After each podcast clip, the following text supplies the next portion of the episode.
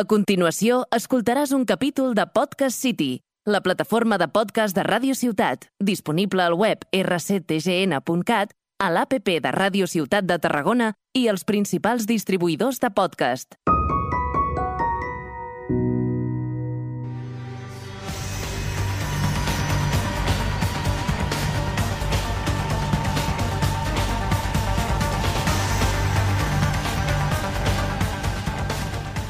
Bienvenidos a todos a un nuevo episodio de El mundo que nos rodea. Ya estamos en el cuarto episodio de, de esta temporada y vamos avanzando poco a poco, cada episodio con nuevos invitados, con nuevas cosas a explicar y nuevas cosas a aprender. Bueno, ya sabéis que en este podcast hablamos de muchas cosas, sobre todo de ciencia en estos primeros episodios, pero ya veréis que a medida que van pasando los episodios iremos variando de temas, para hacerlo más divertido, claro. También mi objetivo principal es que aprendáis y disfrutéis escuchándonos. Hoy toca un tema bastante interesante también y que supongo que mucha gente desconoce. Y para ello, como de costumbre, contaremos con una invitada muy especial que nos lo explicará. Empecemos.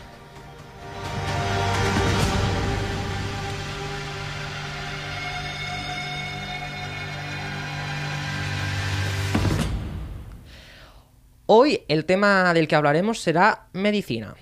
Bueno, no exactamente medicina, o quizás sí. Pero bueno, lo que sí que sabemos es que vendrá una médica. Hay muchos tipos de médicos y muchas especialidades. Todos sabemos que es un trabajo que se necesitan muchos años de estudio y es muy importante. Pero básicamente porque ¿qué haríamos sin los médicos y doctores?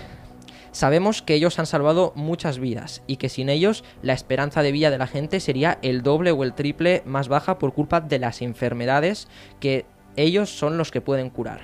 Pero, ¿cómo es ser un médico? En el episodio de hoy vamos a descubrir cómo es ser uno de ellos.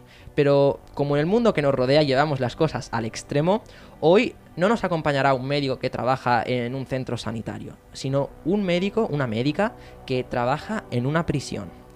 ¿Será diferente a un médico que trabaja en un centro sanitario? Bueno, pues hoy es lo que descubriremos. Y para ello ha venido al programa Elisa Bath. Ella es la directora médica del Centro Penitenciario Más de Enric de Tarragona. Hola Elisa, bienvenida. Hola Daniel, muy, buena- eh, buenas tardes y muchísimas gracias por haberme invitado a tu programa. Estoy contenta de haber venido. sí. Muy bien, yo también me alegro de que estés aquí con nosotros. Bueno, cuéntanos un poquito sobre cómo es tu trabajo. Bueno, mira, mi trabajo es, a ver, yo te podría decir que el médico de prisiones es un híbrido entre lo que es un médico de atención primaria y un médico del servicio de urgencias. Pero realmente te estaría mintiendo, porque somos eso, pero somos muchísimo más. Eh, piensa que un médico de prisiones trabaja en un medio que no es un medio sanitario, trabajamos en un marco penitenciario, con una normativa, una legislación, y aún así tenemos que hacer de médicos eh, con, con otras, eh, más allá de lo que hace el, el médico normalmente, ¿no? Y entonces esto confiere una- unas características especiales a, a nuestra misión allí, ¿no? Eh, es un mundo, realmente es un mundo diferente, eh, muy atractivo. Yo creo que es muy atractivo porque algo tiene que, que nos hace volver día tras día, ¿no? Y el trato con, con pacientes eh, o con internos, que se les llama internos, a los presos les llamamos internos, en caso de que estén, que estén enfermos o algo los llamamos pacientes, pero si no, al, señor que está dentro de prisión se le llama interno. Pues el trato a veces es un poquito complicado. De que te puedes encontrar personas que son pues como las que encontrarías en la calle, sí que hay un sesgo poblacional importante, acumulamos muchos trastornos de personalidad y el trato con estas personas suele ser complicadito. Pero bueno, eh, en resumen, es un, yo creo que es una, una profesión gratificante. ¿eh? Muy bien, y sobre tu carrera, tú estudiaste medicina, ¿verdad? Sí. Eh, cuéntanos cómo fue un, un poquito la, la carrera de medicina de antes, cómo lo ves en comparación a la carrera de medicina de, de Claro, ahora. Sí, sí, sí, sí. Bueno, mira, yo, claro, ya tengo una, una edad, ya no, no, no soy demasiado joven. Y cuando yo estudié el- la carrera de medicina eran seis años, después estaba la especialidad, que dependiendo de la especialidad que fuese, la especialidad Viamir, podían ser 10 o más años. ¿no? Realmente es mucha, muchos años de estudios y tienes que estar muy seguro que realmente quieres eh, hacer esta profesión y tienes eh, una, no sé, una vocación, ¿no? una entrega a los demás. Porque si no, yo creo que, bueno, como en todas las profesiones, eh, dedicas muchas horas laborales a, en tu vida, estás muchos años, muchas horas ¿no? trabajando y tienes que estar muy a gusto donde, donde estés. ¿no? Y la medicina es una carrera, yo creo que vocacional. Quien empieza a medicina por otro motivo, eh, más vale que no siga. Y bueno, pues yo empecé y cuando empecé yo no sabía que acabaría en prisiones, de hecho no, ni era una cosa que, que, imaginaba nunca, ¿no? No sabía dónde, dónde acabaría. Esta, esta, iba a ser la, la pregunta que, que, te iba a hacer ahora cuando, cuando tú acabaste la, la, carrera de medicina y supongo que la especialización también, que bueno, esto que has comentado de los seis años más la especialización es más o menos lo, eh, lo mismo que ahora, la carrera de medicina también son seis años. eh, ¿Tú eh, ¿qué, es, qué es lo que tenías en mente? ¿Pensabas que ibas a acabar trabajando en una prisión y en este cargo tan alto? Pues no, la verdad es que no. Yo cuando acabé la, carrera y bueno, hice una especialidad, un posgrado de medicina tropical. Y mi idea era marcharme a Camerún. De hecho, tenía, tenía ya todo en marcha para, para irme allí. Y bueno, lo que pasó un verano que mm, íbamos haciendo sustituciones, la gente joven pues va buscando cualquier cosa y tal. Entonces eh, me llegó a oídos que en, los centros penitenciarios buscaban médicos sustitutos. Para, las, bueno, para los, titulares cuando marchaban de vacaciones pues hacía falta que alguien cubriese. Bueno, pues como estábamos a todo, a lo que cayese, porque eran épocas muy difíciles, ¿no? Como ahora, que ahora hay, para los médicos hay mucho trabajo. Antes quizá no era tan, tan fácil, ¿no? venimos de una generación, el baby boom, ¿no? Que éramos muchísimos médicos y nos peleábamos por todo. Bueno, el caso es que a mí me ofrecieron una sustitución en, una prisión. Yo dije que sí, pero sin, ver, sin, sin saber cómo al final acabé trabajando y pidiendo que, que no me devolviesen. Yo soy de Barcelona, bueno, era de Barcelona, y vine trasladada para unos días y ya me quedé, llevo 33 años aquí. Entonces, bueno, algo, algo tiene, ¿no? Algo ¿Estás tiene. contenta? Sí, sí, sí, sí, sí. Me alegro. Y bueno, pues esto. Muy bien, bueno, pues ahora que ya nos has comentado un poquito sobre cómo fue el tema de la carrera y tal, eh, me gustaría volver un poquito a lo que es el tema de el médico en prisión, ¿no? Eh, me gustaría saber el, dónde el sitio en el que se atiende a, un interno, si tenéis un sitio especial como, como, la, como la, enfermería que se diría en, en, un instituto o, o los atendéis en sus celdas. Mira, te explico. Eh, las prisiones están, están formadas por módulos residenciales. En cada módulo pues se hace vida, es decir, allí tienen las, las celdas, que son las habitaciones, tienen los comedores, biblioteca, eh, salas de día y dentro de las eh, eh, cosas que tienen, pues hay las consultas médicas. Cada módulo tiene su consulta médica, es una consulta médica como la que encuentras en los CAPS de atención primaria, pues no igual, además están igual, habilitados igual, mobiliario, bueno, estarías dentro de una consulta médica y no, sabrías que estás dentro de una, de una prisión. lo que es la medicina de, de atención primaria, de, eh, el día a día, las consultas médicas se pasan en las consultas de los módulos. Después tenemos un área, que es el departamento de enfermería, que hay unas zonas de consultas para, las, mm, las, especialidades. Y allí también tenemos los boxes de urgencias, que en casos de, de, patología más complicada o que necesitan otro tipo de asistencia, los trasladamos allí. ¿eh? Muy bien, ¿y cuántos en la prisión, cuántos médicos sois? ¿Cuánto, ¿Cuántos Sí.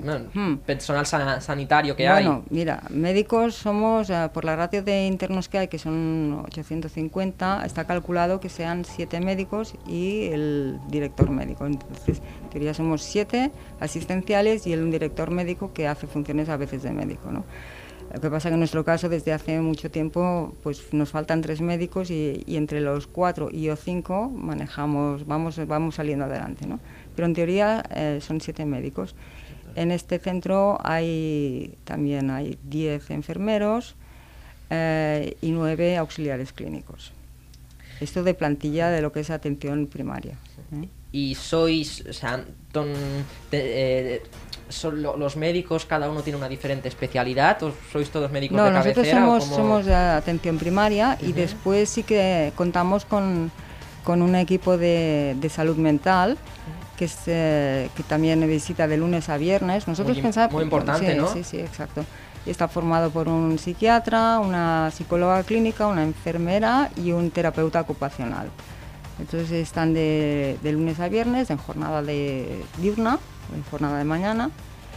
Y, y, después contamos también con otras especialidades, pero que ya no son de plantilla. Nos vienen, pues, eh, nos visitan los traumatólogos, la, la, ginecóloga, llevadora, un oftalmólogo, optometrista, dentista sobre todo, que es muy importante, el dentista en prisión.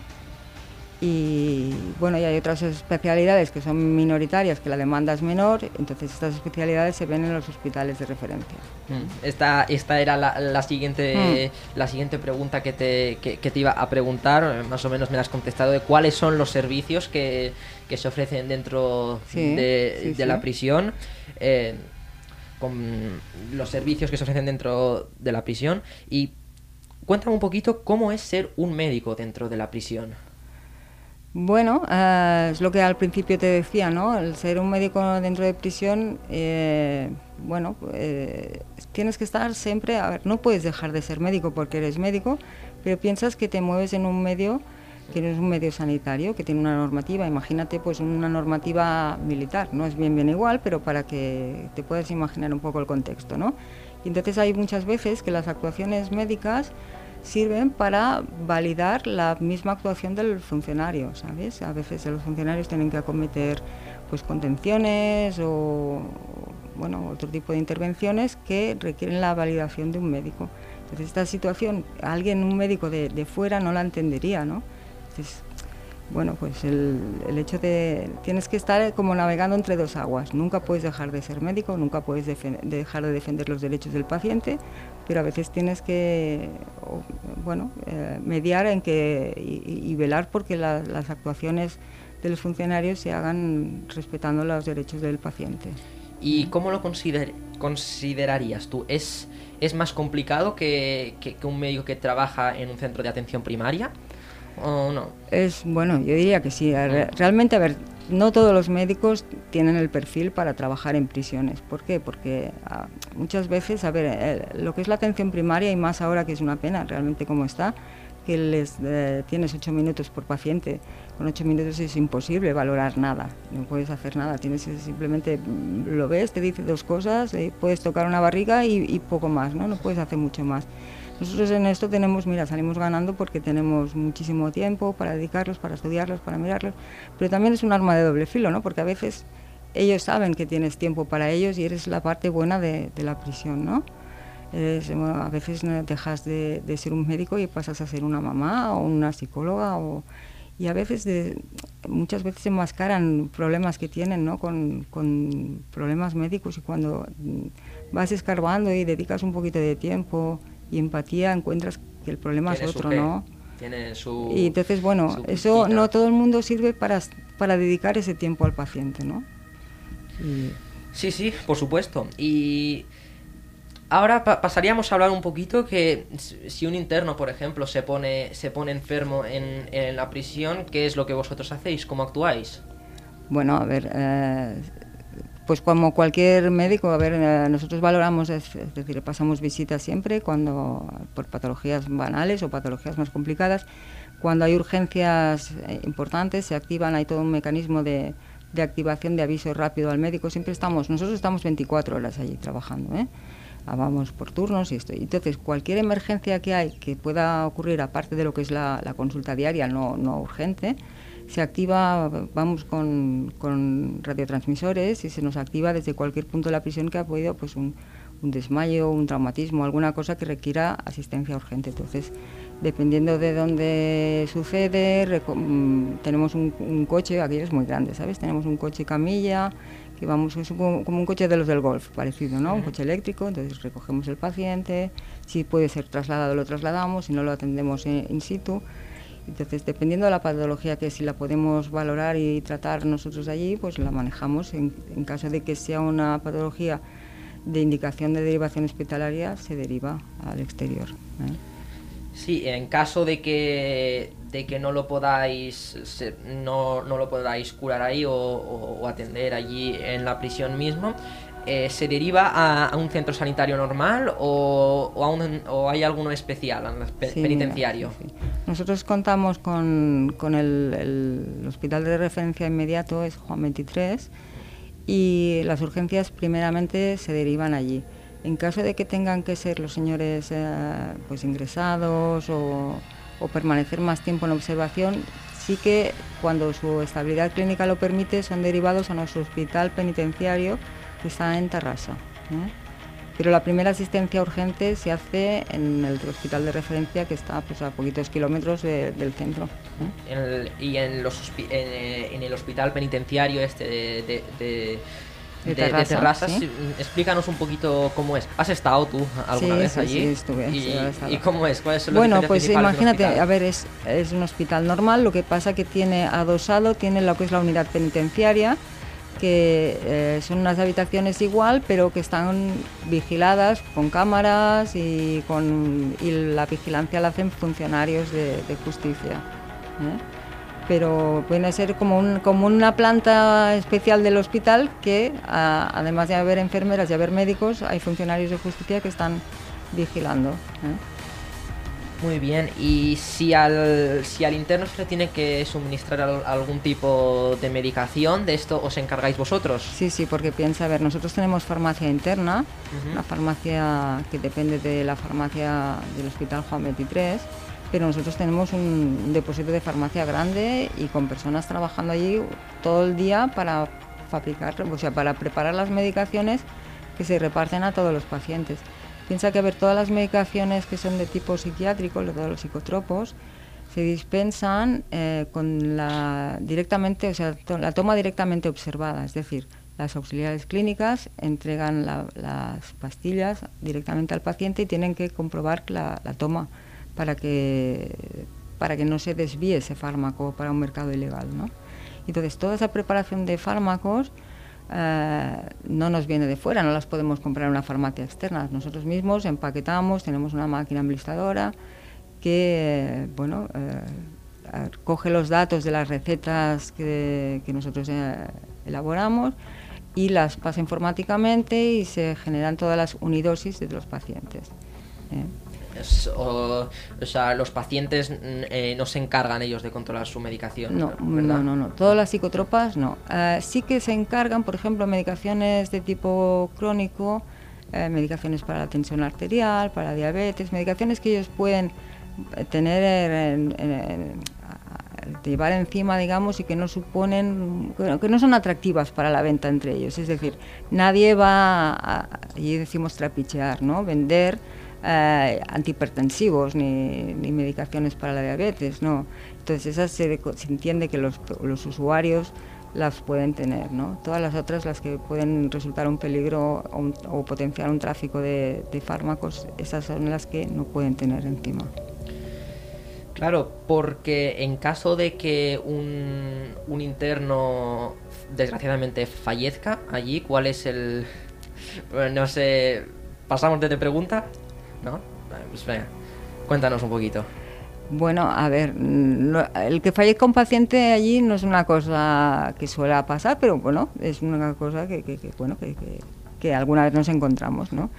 Entonces, eh, puede ser, eh, normalmente todas las muertes allí se consideran muertes violentas, es decir, no porque ha habido una, haya habido una violencia, sino porque como se, se genera en un medio como es el penitenciario, siempre hay que dar mm, parte al juzgado de, guardia y eh, automáticamente el, forense viene a reconocer el, cadáver y bueno y se instruye en la causa. ¿eh?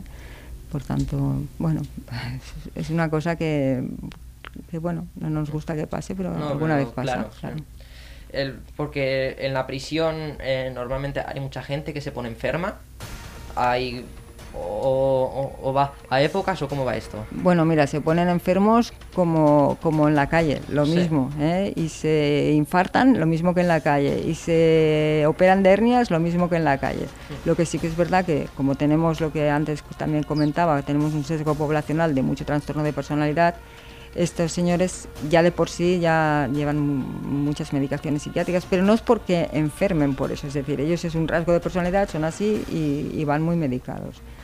Pero también te he de decir que fallecimientos por enfermedad no hemos tenido, más bien, mm, bueno, por, pues, o, por suicidios o por sobredosis. ¿eh?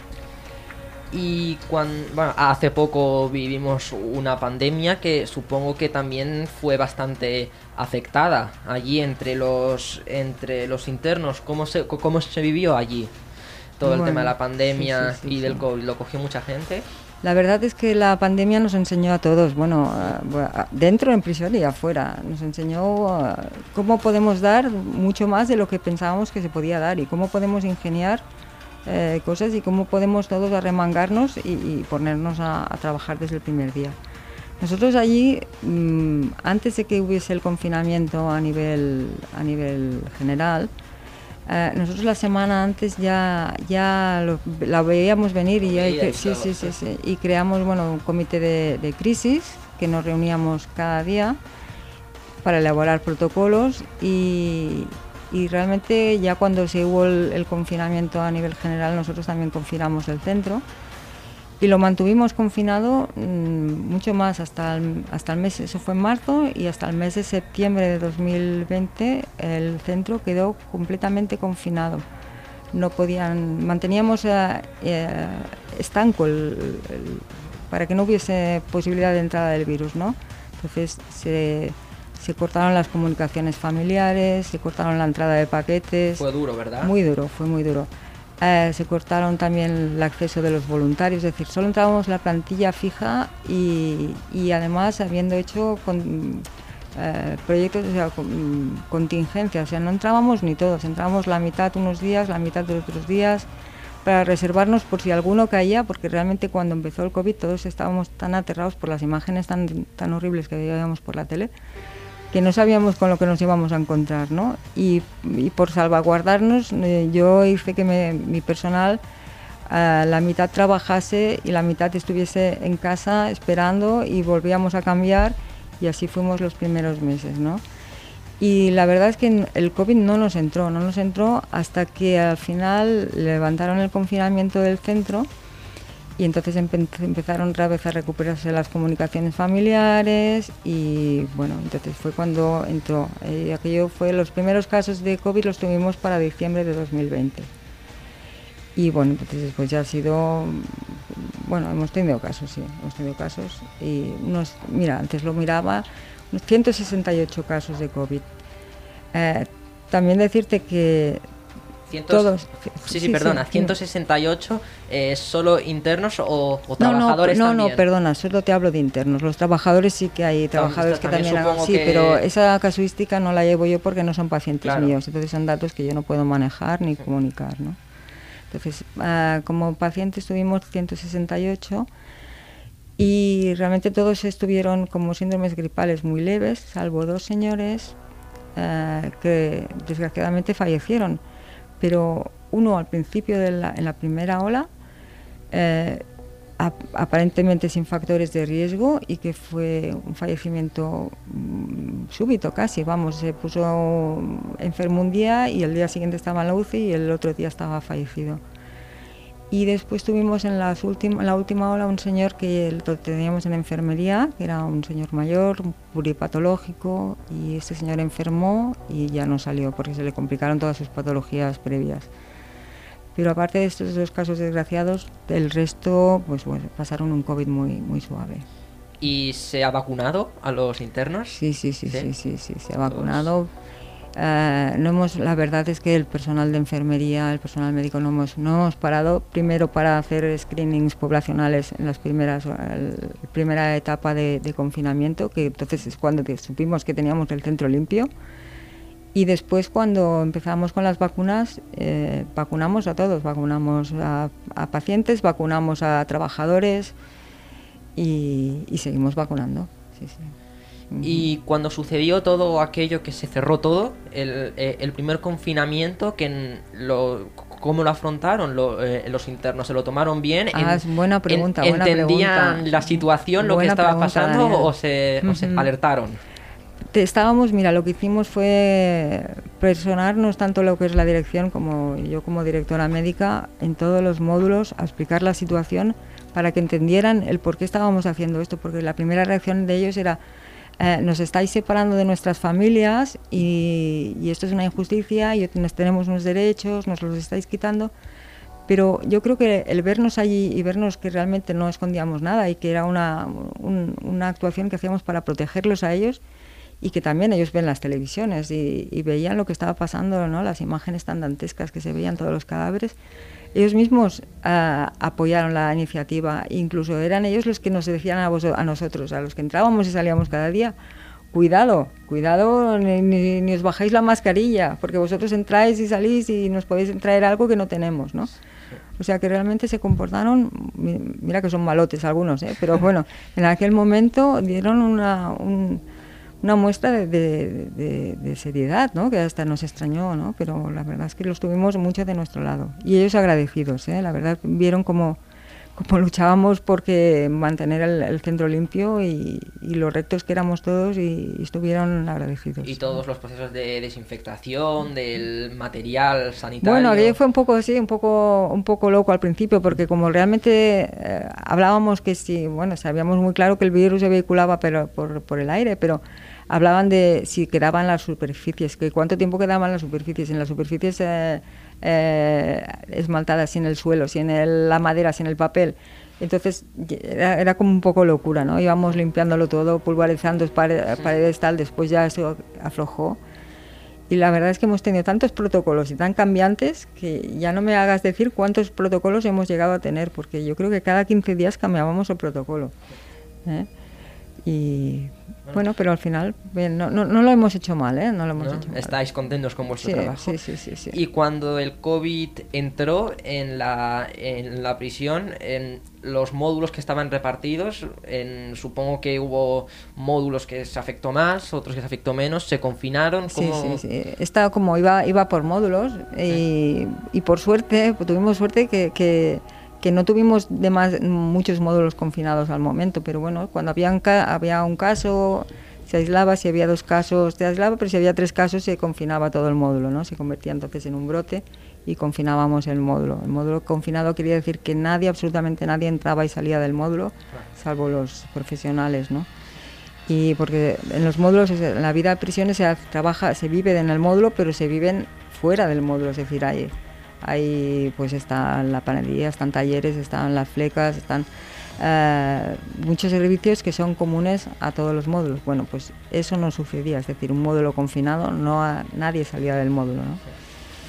Y ya para, para acabar la, entrevista, para acabar el programa, eh, ¿animarías a, a- a la gente que quiere ser, ser médico a que fuera a trabajar al- a la prisión? Eh, ¿Qué les dirías? Bueno, mira, yo ahora a, yo- a mí me interesa que sí, que sí que venga, porque tenemos que somos tenemos que renovar generaciones, ¿no? Por tanto, ah, no se trabaja mal en prisiones, se trabaja muy bien si, si, si eres mínimamente empático y te gusta ser médico, pero ser médico de verdad, ¿sabes? No ser médico de, de pedir muchas pruebas y muchas cosas y no ver al paciente, no. Tienes que mirar a los ojos, tienes que saber, tienes que, tienes que vivirlo. Entonces, ese es tu mundo, porque puedes hacer muchísima cosa, tienes mucha autonomía para hacer. ¿eh? Y, y yo sí, yo ahora mismo, yo a veces me enfado y digo, tal, no volvería. No, pero la verdad es que sí, que ahora, volviendo atrás, volvería a hacer lo mismo, sí. Bueno, pues, pues ya estaría. Muchísimas gracias por, por haber Pues- hecho posible este, este programa. Pues muchísimas gracias a ti. Muy Y- interesante, tu, yo, en mi opinión, muy interesante tu, tu trabajo, el tema del que has hablado. Y mira, para, para un futuro no, no le diría que no. ¿Ah, sí? Sí, bueno, pues escucha, te guardo un sitio, ¿eh? Venga, que... Perfecto. Pues bueno, muchísimas gracias y, vuelve cuando quieras. Muchísimas Espero que te haya gustado la, experiencia de, la radio. La verdad es que sí. Mira, por ser la primera vez, ¿no? No, queda mal. Muy bien, pues, pues muchas gracias. Venga, gracias.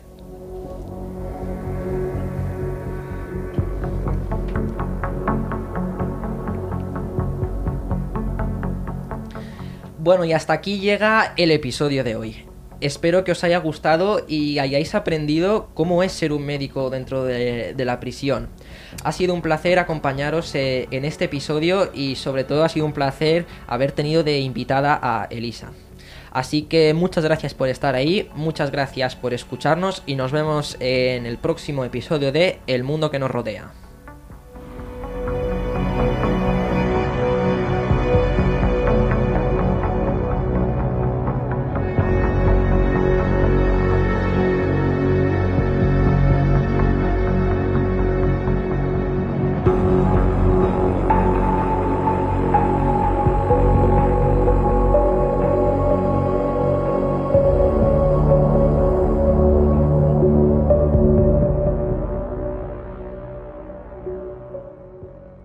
Escoltat un capítol de Podcast City, la plataforma de podcast de Ràdio Ciutat, disponible al web rctgn.cat, a l'APP de Ràdio Ciutat de Tarragona i els principals distribuïdors de podcast.